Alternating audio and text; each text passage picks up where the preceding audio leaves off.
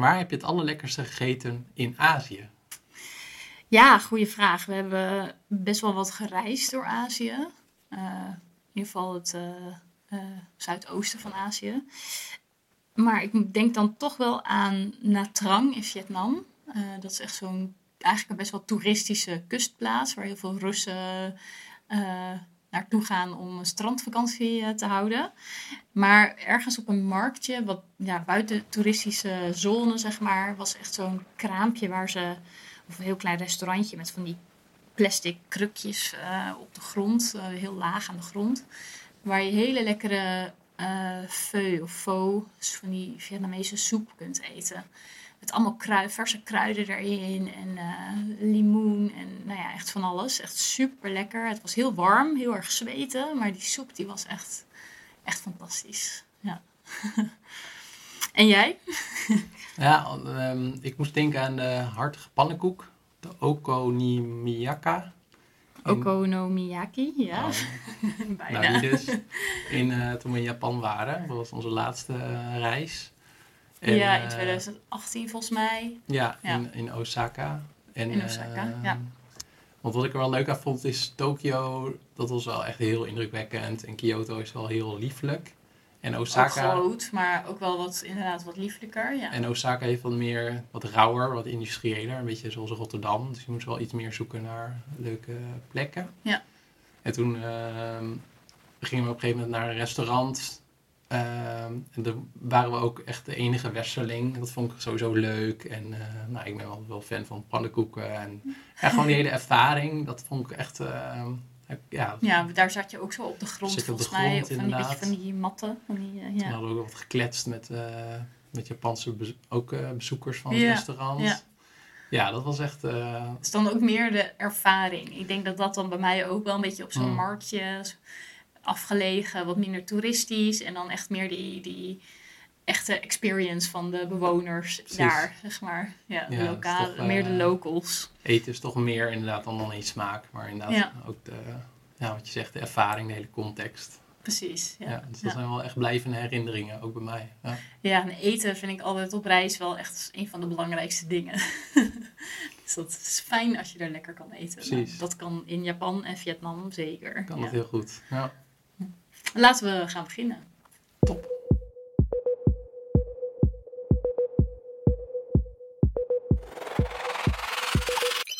Welkom bij de podcast Supermens. Ik ben Peter Joosten. Ik ben biohacker, toekomstdenker en schrijver van het boek Biohacking en Supermens. Ik geef lezingen en webinars over de supermens, technologische ontwikkelingen, zorgtechnologie en de overheid van de toekomst. Op peterjoosten.net vind je daar meer informatie over, net als mijn artikelen en video's. En mijn vriendin Suzanne is de host van deze podcast. Ja, ik ben Suzanne Dullink. Ik ben maker van onder andere podcasts, blogartikelen, video's en illustraties. Op suzannedullink.nl lees je daar meer over. En we hebben het onder andere over de serie Better Call Saul, boeken voor aanstaande ouders en de eeuw van Azië. En in de beschrijving van de podcast vind je timestamps. En in sommige apps kun je daarop klikken en dan direct naar dat deel van de podcast gaan. Maar eigenlijk hopen we dat je gewoon naar de hele podcast luistert. In ieder geval heel veel luisterplezier.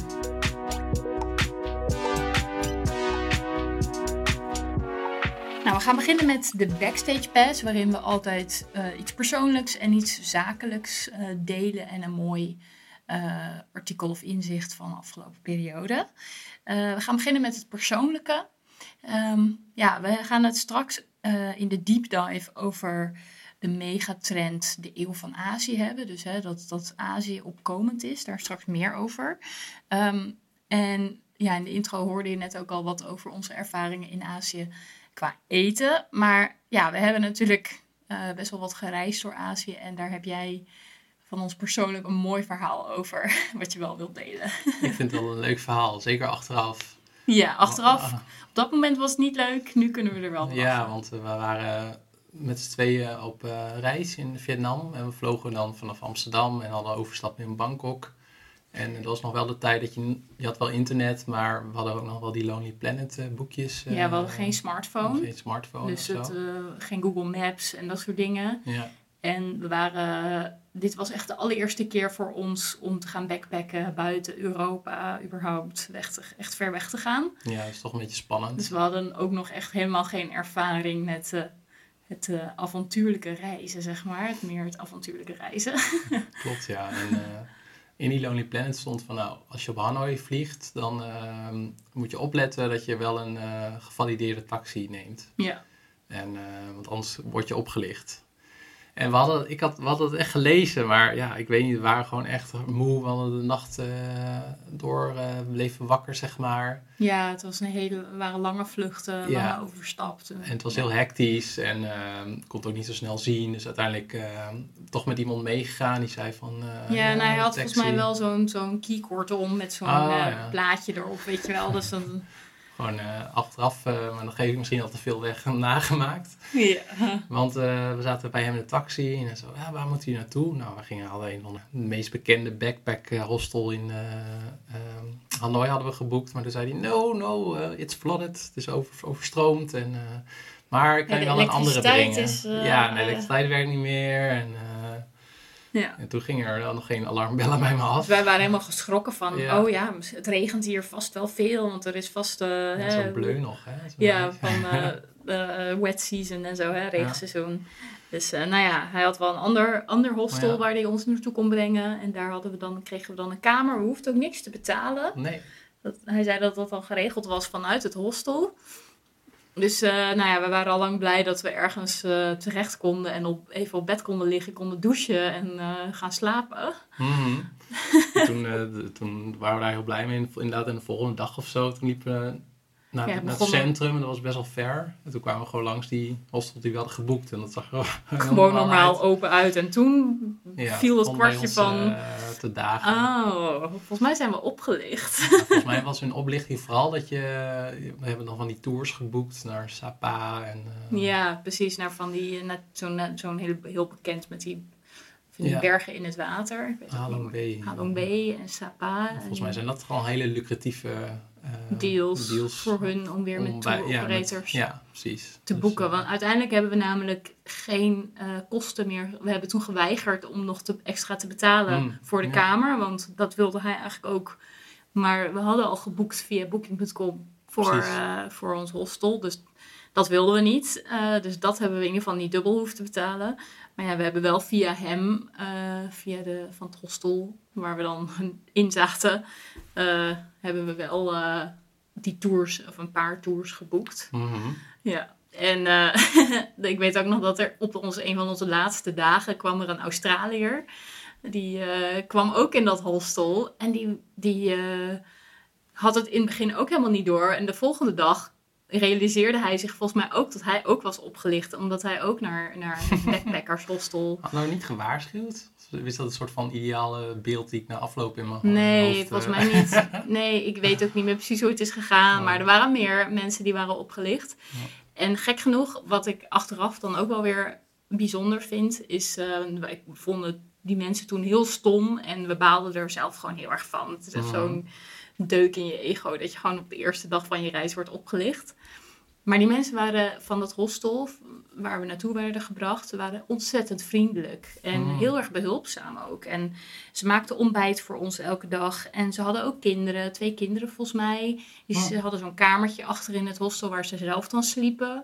En eh, we mochten ook onze, onze bagage nog stallen op de laatste dag voordat we gingen vertrekken. We mochten daar nog douchen en zo.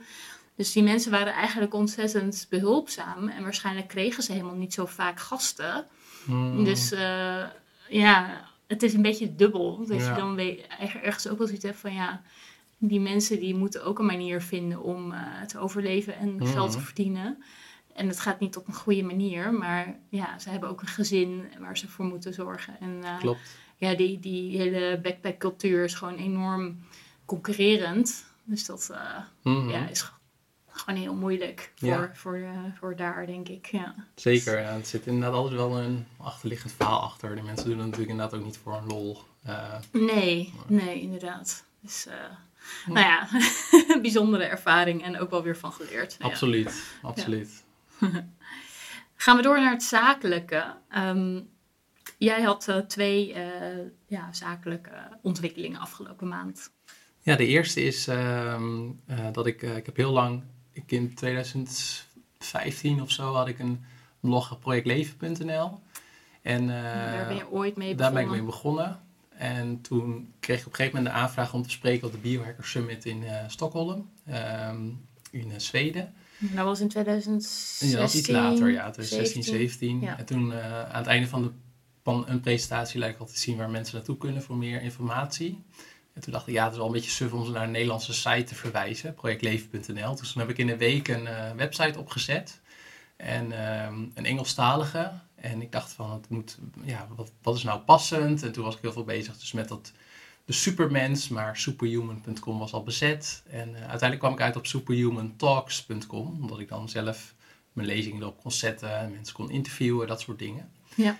Dus dat heb ik jarenlang uh, gehad. En ook rondom COVID heb ik daar nog wat meer mee gedaan. En soms weer wat minder. De focus ligt nu al op een peterjoost.net. Dat is eigenlijk mijn, uh, ja, mijn Nederlandse site. En projectleven.nl is er ook niet meer. Die heb ik op een gegeven moment ook uh, opgedoekt. Yeah. Maar superhumantalks.com die was nog steeds in de lucht. En ik merkte ook wel van mijn interesse is wel wat breder geworden dan alleen het mensverbeteringsstuk. Dus ik dacht daar, die domein past niet helemaal meer, Superhuman Talks. En, um, ja, en volgens mij ook wil je je ook meer profileren op je naam, Peter Joosten. Ja, dat is het. Dus dat uh, maakte het ook makkelijker, hè, gewoon voor je communicatie. Van, dan, ja, niet ze huren jou in, Peter Joosten. Ja, ja. en ook van uh, wat verandert niet. Uh, mijn interesse kan nog heel veel veranderen, maar wat verandert in principe niet mijn naam. Dus ja. En uh, dus toen heb ik dat nu overgezet naar ptjoost.org. Dus uh, ik heb ptjoost.net is mijn Nederlandse site en ptjoost.org is mijn Engelse site. Ja, de reden dat ptjoosten.nl en .com het niet zijn, is dat die bezet zijn door iemand anders die ja. ook Peter Joosten heet. Dus Peter, als je luistert, uh, ik heb wel interesse in die domeinen. En, dus, het is .net en .org. Ja, maar dat is, dat, ik zal de luisteraars er niet veel mee vermoeien, maar het is best wel een heel proces om die site over te zetten. En dat is allemaal een ideaal werkje voor de zomer. Dus ik dacht, dat is in ieder geval één ding wat ik, uh, uh, wat ik wil delen. En het andere wat ik wil delen gaat wel over de lezingen die ik geef. Dat is een verhaal dat ik in, in, juni... Juni heb ik op een landgoed gesproken in de buurt van Doren. En dat was voor de BDKO. En dat is voor directeur in de kinderopvang. En wat daar al leuk aan was, is dat ik ook zei van... joh, tot een jaar geleden had ik echt totaal geen idee wat jullie doen. maar nu wel. En sterker nog, toen ik mijn eerste voorgesprek had met de contactpersoon van BDKO, toen was ook de dag dat Hidde, onze zoon Hidde, voor het eerst naar de opvang ging. Dus dat, eh, dat was heel leuk. En wat ook wel een leuke aan het verhaal is, is dat, ik, ehm, eh, dat zij ook sponsoren hebben. Dus er waren een aantal sponsoren ook aanwezig. En het thema van mijn lezing ging meer over uh, digitaal bewustzijn. Dus privacy, hacken, wat gebeurt er met de data van, van kinderen, foto's. En het grappige was dat ik een voorbeeld liet zien van de opvang waar Hidde naartoe gaat. En dat ik zei van nou, dit is de app die wij gebruiken. Dan kunnen we zien hoe laat Hidde gaat slapen en wakker wordt en uh, dat soort dingen. En uh, ja, van wie is die data? Wie zijn die foto's? Dat vroeg ik aan de zaal. Dus uh, nou, zorg ook dat je daar goede vragen over stelt aan de leverancier. Maar bleek nou, de leverancier van die app die zat ook in de zaal, dus die kwam na afloop naar me toe. En ze zei van, ja, lekker ben jij. Dan gaan, uh, krijg ik straks allemaal kritische vragen van, van de directeuren. En ik zei van, nou, heb je dat tot nu toe al gehad? en toen zei ze van, nee, eigenlijk niet. en om nog, verhaal nog sterker te maken, is dat ze zei van, ja, we hebben binnenkort ook een sessie voor functioneel beheerders. Dus niet voor de directeuren, maar voor de mensen die de software bij die organisaties zeg maar, inregelen en onderhouden. En uh, ja, wil je bij ons uh, daarover ook uh, komen spreken? dus zei ik, nou, dat is goed. Dus dan heb ik uiteindelijk ook weer een opdracht eruit gehaald door middel van iemand die me dus had zien spreken. Ja. Dus dat is het, het tweede wat ik wilde delen in deze Backstage Pass, zakelijk. Ja, dat is een hele mooie manier om nieuwe opdrachten te krijgen. Ja, dat, dat krijg ik de laatste tijd steeds vaker en ik vind dat ook wel een goed teken. Dus ik krijg ook wel eens wat via sprekersbureaus of via rechtstreeks via mijn blog. Maar ik vind het altijd fijn als iemand uh, mij al een keer heeft gezien, want dan kan diegene nog beter een, een beeld hebben van wie ik ben, hoe ik spreek en uh, of mijn verhaal past. Absoluut, zeker. Ja, ja. En tot slot nog um, Ja, eerder hadden we het wel over scenario's of hoe jij daarmee bezig uh, was in de afgelopen periode. Staat nu op een iets lager pitje, omdat je ook wel weer meer lezingen Klopt. hebt in het najaar en daar ook wel veel op focust. Um, dus we gaan het nu hebben over een interessant artikel of een podcast wat jou bezighoudt. Uh, dus ja, vertel, wat, wat heb je afgelopen maand gelezen, geluisterd? Nou, een van de dingen uh, die ik wel volg, die ik interessant vind, is uh, natuurlijk uh, technologiebedrijven, social media. En ik ben abso absoluut geen expert erin. Alleen wat de laatste tijd, en dan hebben we het over augustus 2022, in het nieuws komt, is nou, de, de, hoe zeg je dat? de dominantie van TikTok qua gebruikers en hoeveel, hoeveel mensen er naar kijken. En, eh, ten opzichte van eh, Instagram en Facebook. En dat eh, Facebook en Instagram ook al meer de TikTok-kant op gaan. Ja, en, steeds meer. Dat, dat experts daarvan ook zeggen van dat is ook een beetje een afsluiting van social media zoals we dat kennen. Waarin het heel erg wat gebaseerd op dat jij dingen ziet van je vrienden en van je bekenden. En het hele TikTok-model gaat er niet over, maar gewoon op basis van algoritmes uh, je zo lang mogelijk uh, engaged, hoe zeg je dat? Uh, betrokken houden bij. Uh... Ja, precies. Ja, op TikTok en ook tegenwoordig steeds meer op Instagram heb je veel meer aanbevelingen. Dus uh, de, niet, inderdaad niet de mensen die jij volgt überhaupt. Dus je hoeft niet eens die mensen te volgen, ook al zijn het onbekenden. Maar gewoon, je krijgt gewoon van alles te zien van allemaal random mensen op basis van jouw algoritme, van jouw interesses. Precies, ja. ja. En dat deed me wel denken ook aan mijn eigen om, om, omgang met, met sociale media. Bijvoorbeeld, ik uh, post niet zo heel veel op Instagram, omdat ik er een beetje zat ervan ben. Maar op LinkedIn doe ik wel veel dingen, maar dan ben ik soms ook een beetje gefrustreerd over wat ik denk. Dan denk ik, het algoritme laat me niet zoveel zien. Of, nou ja, of het komt bij mensen die het dan niet klikken en dat het daardoor het algoritme wordt getraind. En dan ja, je moet. Kliks en likes. En inderdaad, het, het wordt steeds meer een spelletje van: doe ik wel wat goed is volgens het algoritme? In plaats van wat wil ik nou eigenlijk echt zelf delen? Ja, ja. en daar kwam ik een heel interessant uh, artikel over tegen. Die zal ik de titels ook wel even in de show notes uh, zetten. En uh, dat gaat eigenlijk over de, de invloed ook van wat het publiek wil op, op makers. Zoals bijvoorbeeld op YouTube of TikTok of Instagram. Maakt ook allemaal niet uit. En uh, de introductie, dat, dat vond ik wel interessant. Het gaat namelijk over een uh, 24-jarige YouTuber, Nicolas Perry. En hij begon eigenlijk een YouTube-kanaal waarmee hij uh, nou, zijn passie deelde. Dat was namelijk viool spelen en vegetarische gerechten. maar hij had helemaal niet zoveel kijkers, en, maar hij vond het gewoon leuk. En op een gegeven moment is hij daarvan afgestapt en is hij begonnen met mukbang-video's. Ja. En uh, ik laat jou Voor de jonge lui, oh, ja. voor de oudere mensen bedoel ik juist. Dat is dus dat je tijdens het eten van een maaltijd of meerdere dingen, dat je verschillende dingen aan het eten bent, dat je dan gewoon aan het kletsen bent eigenlijk. Ja. ja. En uh, op een gegeven moment veranderde dat en kreeg hij zeg maar verzoeken van, van zijn publiek van, oh kun je dat eten? Of en dan kun je dat soort experimenten doen. En ik laat jou nog even een, foto zien, uh, ook voor even jouw live reactie. Dit is zeg maar hoe hij begon. Is een jongen met een pakketje op zijn, uh, jong, ja, op zijn schouder en eigenlijk heel erg amateuristisch. Ja, heel erg amateuristisch en, uh, en lieflijk. Ja. En uh, nou ja, dit is uh, hoe hij nu is. hij is heel erg dik geworden. Of ja, heel erg, obe heel erg echt, morbide obese. Morbide obese is hij geworden. En je ziet hem op de foto met enorme hoeveelheden McDonald's eten. Ik denk dat dat dan een van zijn challenges is. Challenges is. Ja. ja. Oh, wat erg. En het, ja, het, sneu. En het bijzondere, ja, het is sneu, maar hij heeft nu wel 6 miljoen uh, abonnees en uh, verdient er miljoenen aan uh, ja. dollars. maar ja, dan is heel erg de vraag natuurlijk, wat voor welke prijs? Ja, en wat, wat geeft hij ervoor op? En, dat, en in dat artikel komen nog wat meer voorbeelden aan bod. Ehm, ja, en dat houdt me wel bezig, van, ook voor mezelf dan, hè, in welke mate wil ik delen wat ik zelf wil delen. In welke mate ja, wil, wilt ook dat mensen het lezen of horen of kijken. Of, uh, ja. ja, inderdaad. En hoe ver ga je daarin? Ja. En ik denk dat jij dan nog denkt van, nou ja, laat maar dan. Ik doe het wel op andere manieren. Maar misschien zeker de jongere generaties, die uh, gaan er misschien nog wel weer verder in. Ja. ja. en ik heb ook het geluk, denk ik, dat ik ook niet afhankelijk ben uh, nee. van inkomsten van social media. Klopt, maar, maar goed, zo'n jongen natuurlijk, hij kan ook gewoon uh, een leuke baan ergens anders uh, vinden. beter voor zijn gezondheid, maar minder goed voor zijn bankrekening, denk ik. Ja, ja.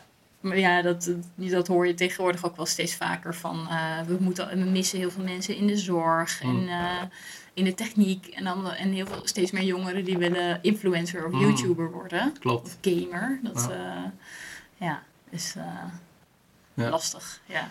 Ja, Ik maar weet voor de... ook niet hoe, hoe zwart, dat is natuurlijk ook heel zwart-wit. Maar- Ja, is ook zo. Maar ik laat er zeker ook maar voor de foto's en de achtergrond. eh, ehm, Interessant. het artikel heet The Perils of Audience Capture.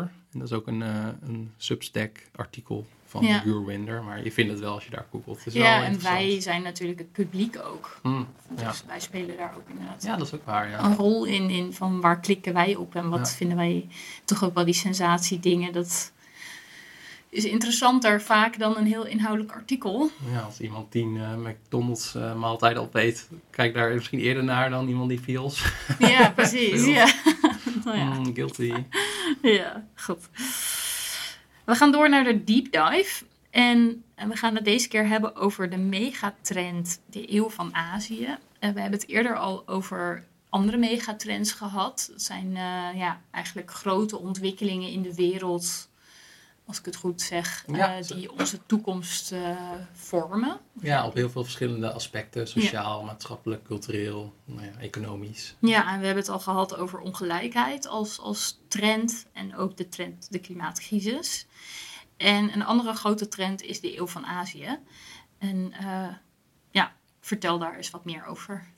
Nou, dat is, dan moest ik denken aan, eh, ik heb bedrijfskunde gestudeerd. En toen eh, kreeg ik op een gegeven moment ook eh, een gastcollege van ehm, een topman van Philips. Nu ben ik even zijn naam vergeten.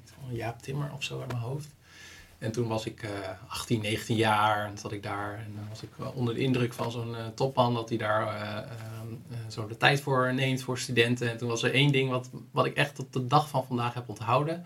Dat hij zei van, eh, nou wat ik nu zou doen als ik jong was, was eh, Chinees leren en naar China gaan. Want daar gaat alles gebeuren in eh, de komende decennia. En toen dacht ik, ja interessant, maar... We zeggen dat was in 2005 of 6. ja, 2005, 2006 of zo. Ja. En nou ja, dat is eigenlijk wel wat er heel veel al wo- wordt gezegd. En wat wij eigenlijk ook wel natuurlijk steeds meer zien. De groeiende invloed, zowel economisch als ook politiek, als ook militair van Azië als, als continent.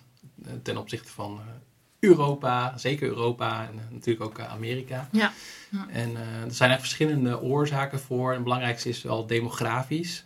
Dus dat eh, China en India, die zijn in, waren in 2020 al hadden die de grootste bevolkingsomvang. en de- in 2100 is dat waarschijnlijk, heeft India nog meer dan, dan China. En is nummer drie is niet de Verenigde Staten. Ik weet niet of jij weet wie de nummer drie dan is. Dus je, dan is India, China en dan... ja, ik zou zeggen Afrika of zeg maar dan, dan Nigeria, een van de Ja. grootste landen Ja, in eh, ja ik dacht, het is een soort van instinker. Dat je Nee, dan maar dat, daar is hele grote, ja. grote Dus bevolkingsgroei dan, ook. eh, Nigeria is dan nummer drie. Ja. Dus In, dat- in dat boek Factfulness eh Oh. van Rosling gaat het daar ook over. Hm. Ja. Ja, ja.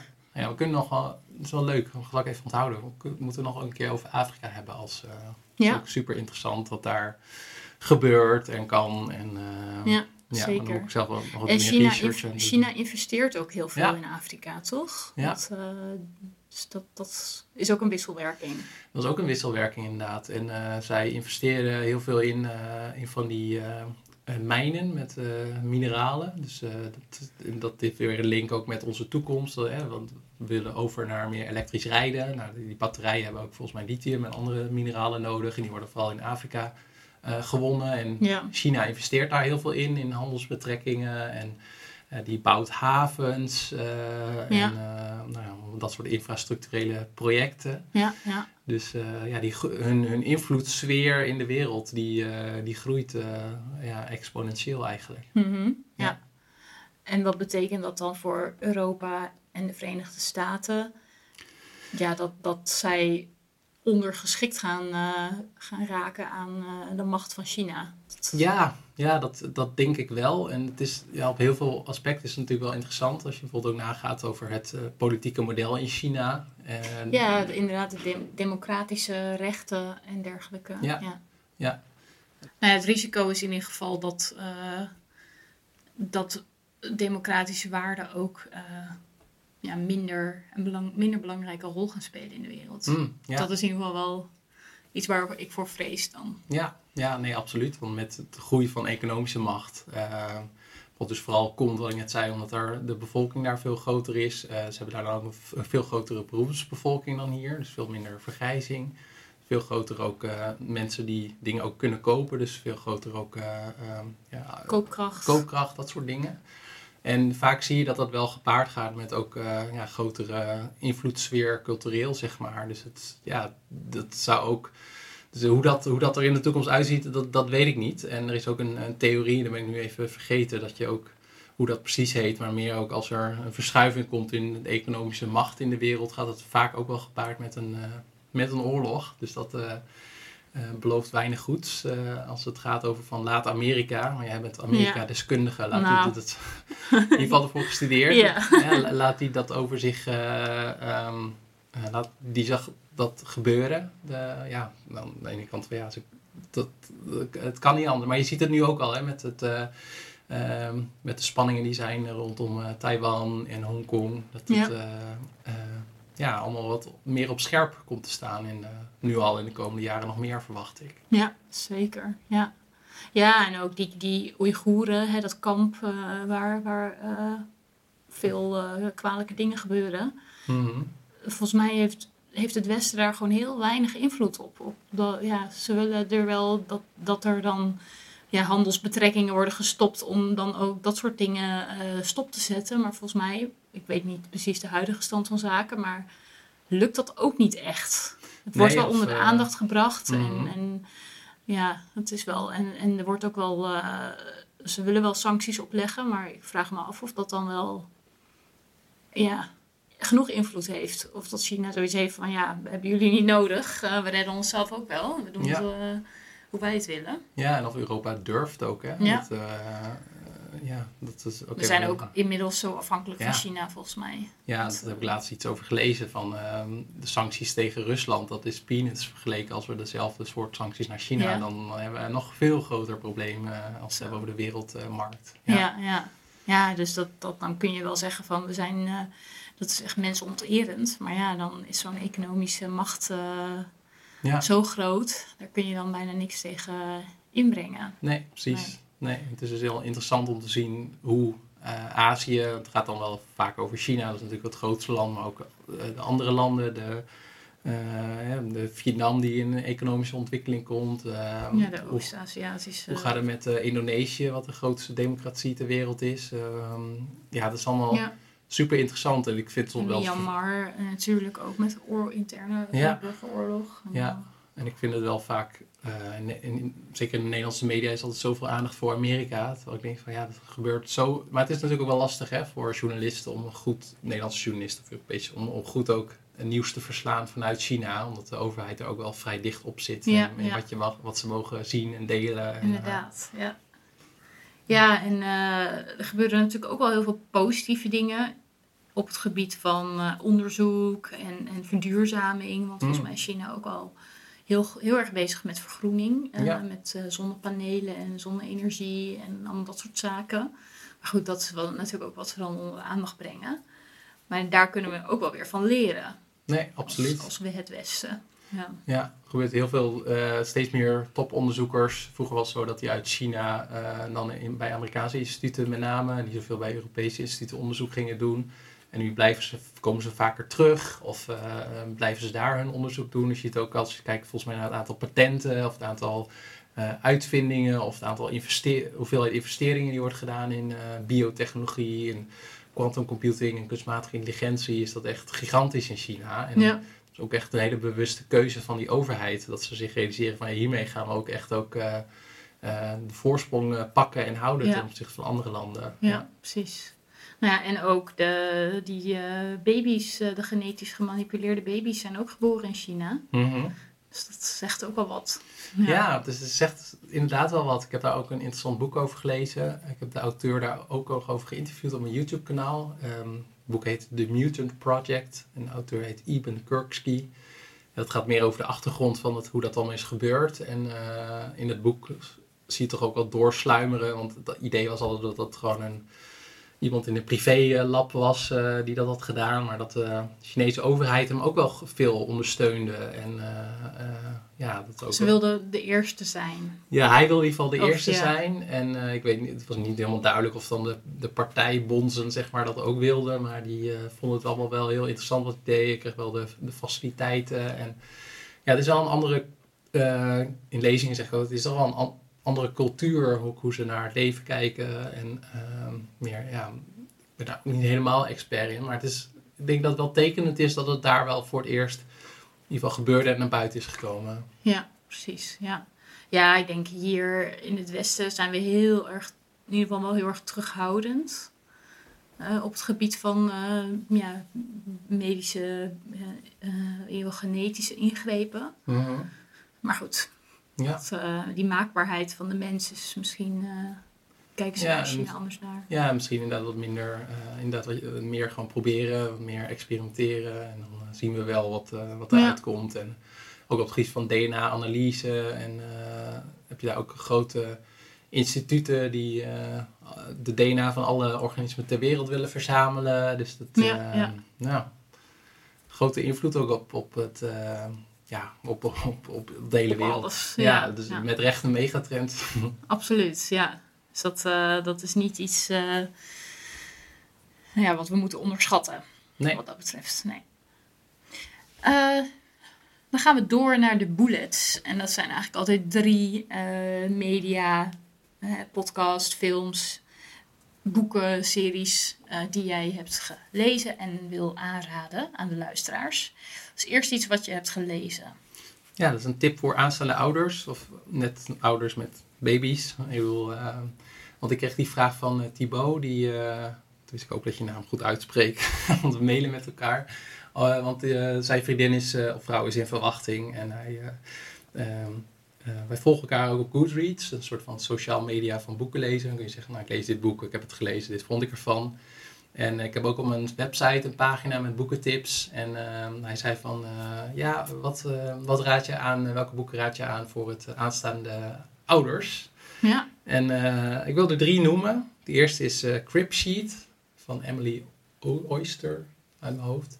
En die heeft heel erg, dat is een eh, professor in de economie. En die was heel erg gefrustreerd over eh, adviezen tijdens de zwangerschap en eh, zeg maar de kraamweken. Van, eh, nou, je hebt heel veel verschillende adviezen van, eh, over eh, borstvoeding versus flesvoeding. Van eh, baby bij je slapen of niet. En er zijn zoveel verschillende meningen over. Dus hij is echt vanuit die professorbril, databril, heeft ze naar al die onderzoeken gekeken. Dus een heel, ja, voor types zoals, zoals ja echt wat voor jou. echt een heel goed boek waarin ze zegt van, nou, dit is echt goed onderzoek en daar komt dit uit. En nou, dit wordt wel gezegd, maar het is een heel slecht onderzoek. Dus, en dat is, ook, dat is ook wel weer een nadeel van het boek, want uiteindelijk vond ik het ook heel, heel genuanceerd. Er waren veel dingen dat ze zei van, ja, we weten het eigenlijk niet. Mhm, dus, eh, ja. Maar goed, ik zou in ieder geval daarmee, be- dat is mijn eerste tip. Een tweede tip die ik nog wil geven, en dan mag jij de derde tip geven wat mij betreft, is, eh, mijn tweede tip is eh, Taal van het Huilen. En die kreeg ik getipt van, van mijn sprekerscoach Rutger. En dat is, en hij zei tegen mij, ik vond, van, ja, ik kreeg dit boek getipt van een geitenwolle sokken type. Dus ik dacht van, nou, wat moet ik ermee? En hij, Rutger, is zelf he- absoluut geen Geitenwolle sokken sokken. type. Nee. Dus hij dacht van, nou, zal ik het toch doen? En het, eh, hij zei van, als je één boek moet lezen, lees dan dit boek. Nou, dat hebben wij eh, dan ook gedaan, want hij heeft het ons ook getipt.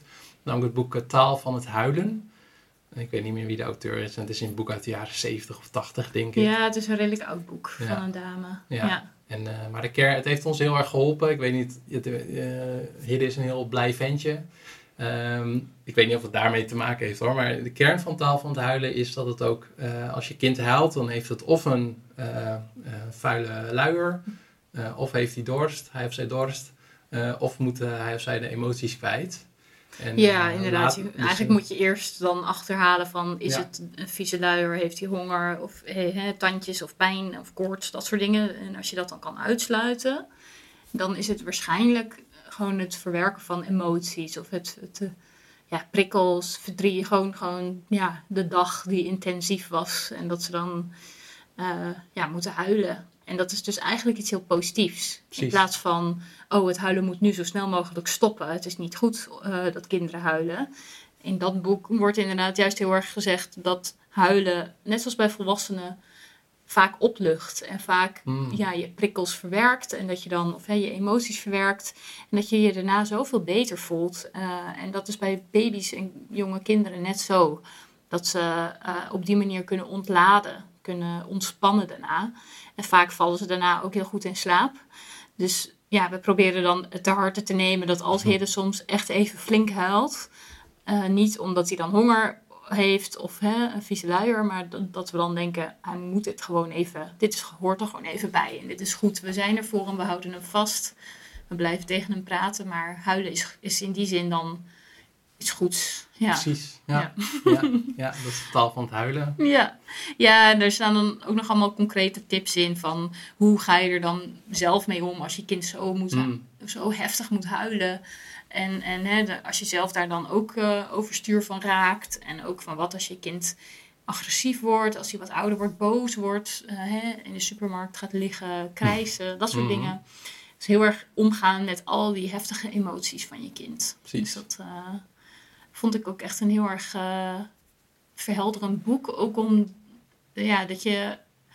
Ik denk als ik dat boek niet had gelezen, dan zou ik me veel meer zorgen maken als, als hij soms flink zou huilen. Mm. En dat vind ik nu eh, makkelijker. Dat, Ja. dat, dat ik gewoon het eerder zie als iets positiefs. Hm. Ja, ja, eens. Dat heb ik ook. ja. Ja. En de derde tip is eh, het boek Jagen, Verzamelen, Opvoeden. Ja, klopt. Die had ik weer via via weer eh, als tip gekregen. Die hebben wij ook allebei gelezen. En dat is door een journalist eh, van de NPR in Amerika. Eh, maar zij heeft volgens mij ook een, een achtergrond in epidemiologie. Hoe zeg je dat? Ja, hè, van onderzoek naar virussen en dergelijke. precies. Ze heeft dus wel een wetenschappelijke onderzoek of achtergrond. En ze gaat eigenlijk ja, verder kijken dan, dan het westerse perspectief op opvoeden. Want eh, ja, kinderen opvoeden is natuurlijk van alle tijden. En ehm, ja, zij kijkt, gaat kijken naar drie verschillende culturen of drie verschillende, ehm, hoe zeg je dat? Eh, meer de, de eh, ja, stammen of groepen, Ja, groepen stammen, groeperingen. Inuit en Ja, de, de Maya in Mexico, de Inuit in eh, ehm, Groenland, of in Groenland, ieder geval. Canada, Ja. echt in het noorden van Amerika. En als derde gaat ze naar de Hadza. Hadza, ja. Hadzabe. Ik heb, het is alweer even geleden dat ik het heb gelezen, maar in ieder geval in, in. Afrika, op de, echt meer op de savanne. Ja. En eh, gaat ze onderzoeken naar de overeenkomsten en de aanpak van die ouders bij kinderen. En eh, wat, wat je dan eigenlijk in het westerse leven, in het dagelijks leven hier met werk, met eh, school en, en eh, de kinderopvang en dergelijke, hoe je dat dan kan, op, kan toepassen ook in het dagelijks leven hier. En Ja. ja. ik vond het wel heel, er zit wel, het is veel herhaling soms wel en soms een beetje langdradig, maar en heel veel persoonlijke voorbeelden. Maar maakt er het ook wel wel, lekker leesbaar, vind ik. ja, dat ook wel. En het, er zitten wel heel veel concrete handvatten in. En wat een paar dingen die ik heel erg leuk vond, is dat dan dat je je kind heel erg kan betrekken bij, bij klusjes in huis. Dus eh, in plaats van eh, dat je dat doet als je kind slaapt, of eh, hè, dat je denkt van nou laat mijn kind maar spelen, ik ga wel koken. Dat je juist samen met je kind gaat koken. Zodat je, je kind zich ook veel meer onderdeel voelt van, van het team, het gezin. Hm? En ook wel het hele idee van ehm, eh, ja, dat je continu je kind moet eh, aanprijzen wat hij allemaal wel goed doet, Mm. wat hij allemaal niet goed doet. Maar dat je je kind gewoon veel meer moet laten. Dat eh, geeft Dat ook wel veel ja, meer rust, ja. eigenlijk. Ik vind die wel lastig. Dus ik Ja. ja. hier de betrekken bij dingen, dat vind ik eigenlijk super fijn. In plaats van apart met hem spelen. En dan, als ik wat dingen ga snijden, dan... Ja, hij komt niet in de buurt van de mes of zo. Maar gewoon hem meer erbij betrekken. Maar meer inderdaad dat, dat van, oh, wat doe je dat goed? En, of, ehm, omdat er weer, dat, dat zit er wel best wel in hier. Of bij mij in ieder geval. Ja, dat is ook gewoon eh, een, eh, iets van deze cultuur, van de westerse ja. cultuur, denk ik. Dat, eh, ja. Nou goed, er zitten veel eh, handige, fijne dingen in. En eh, ja, aanrader ook om te lezen. En uiteindelijk denk ik ook met al die boeken er vooral uithalen wat bij je past. En ik denk dat een heel groot deel doe je ook meer op gevoel. Of kijk je Nee wat past bij je kind. Ja. Maar ja, toch vind ik het ook wel heel erg fijn om, eh, dit soort dingen te gebruiken als een soort basis. Van, nou Ik ja, ook hoor, ja, absoluut. ik maak toch die keuze, dat lijkt me dan toch beter dan dat. Of eh, ja, of op basis beter van onderzoek, Ja. ja. ja, is dit toch beter. Ja. Nou, heel verhaal over boeken. We hebben ook nog een tool of tech die jij wil eh, tippen. Ja, dat is, eh, gebruik jij nog als RSS-feeds? Nee. Nee. Dat is wel grappig, want het is een hele oude internettechnologie en vroeger was het volgens mij ook veel populairder. Had Google ook een echt een RSS-reader, die heb ik toen ook nog eh, gebruikt. Maar het, oh ja, het idee achter RSS is dat je, als, dat je je kan abonneren op een website. En eh, dat je dan die RSS-feed, die geeft dan door van er is een nieuw artikel of een nieuwe blog, Ja. een nieuwe pagina. En dat gebruik ik dus heel veel in een tool die heet eh, Feedly, dus met een F, E, E, D, L, Y. Ja. En eh, daarin volg ik, nou, ik denk iets van 50 eh, blogs of zo. Eh, en het voordeel is dus dat ik niet eh, elke dag of één keer per week of één keer per maand naar 50 tabbladen open heb. En dat ik Mhm. dan zie wat er nieuw is. Maar dat ik gewoon elke dag scan ik van, hé, dit zijn artikelen eh, die mij interessant lijken en die kan ik dan bewaren. En wat ik ook doe tegenwoordig is, eh, en dat is een eh, functie in Feedly Pro.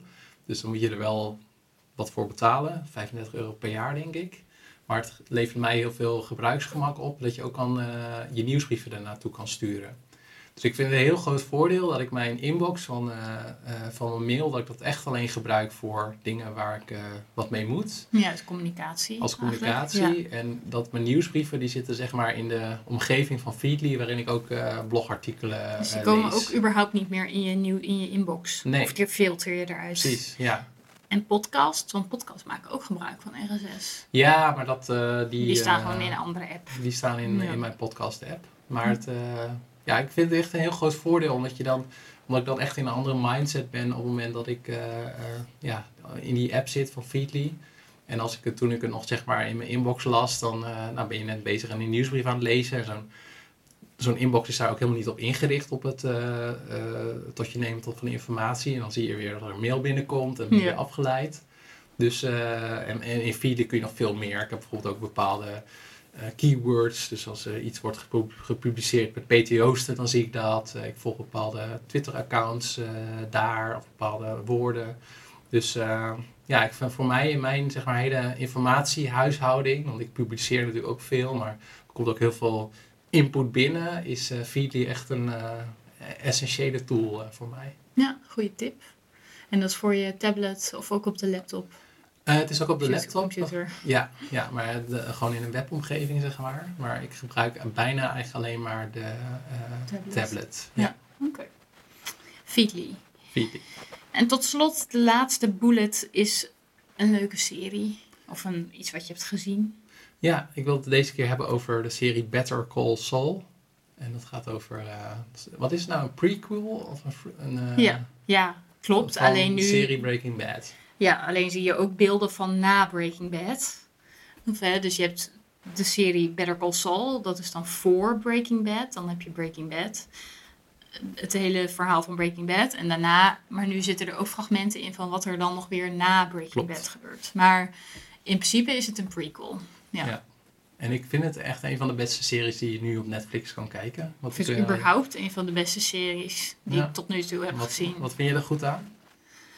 Ja, de, de, film, de filmische beelden en zo. Het is zo eh, gaaf gefilmd en in beeld gebracht. En ik ben echt dol op, de, op die eh, omgeving. Dus New Mexico, Arizona. Ik heb daar ook gestudeerd in die omgeving. En gewoon die, die American Desert en Mexican Desert. Dus die woestijnen. Vind ik heel gaaf. En ja, die, die bizarre verhalen eh, over dan de drugskartels en... in dit geval dan Breaking Bad is natuurlijk eh, de scheikundeleraar, maar dit is dan eh, de advocaat, ja. Saul Goodman. Dat helemaal hoe hij dan zo is geworden zoals hij is en hoe ze dat helemaal uitdiepen met bizarre plotwendingen. En, en ja, het is echt fantastisch, vind ik. Het, Ja. ja. Ja, ik kan er niks... Ja, gewoon eh, En, en ja. afgelopen maandag is de finale, dus echt de allerlaatste aflevering van de serie gepubliceerd. We hebben hem nog niet gezien, as we speak. We gaan hem vrijdag kijken, komende vrijdag. En dan eh, is het echt afgelopen. Ja. Ja. Jammer. Ik, ik heb zo'n gevoel dat het net zo'n episch einde wordt als bij Breaking Bad. Dus dat is Ja. wel echt, echt eh, fenomenaal. Dus, Ja, die was ook erg goed. Dat is toch... eh, ja, dat...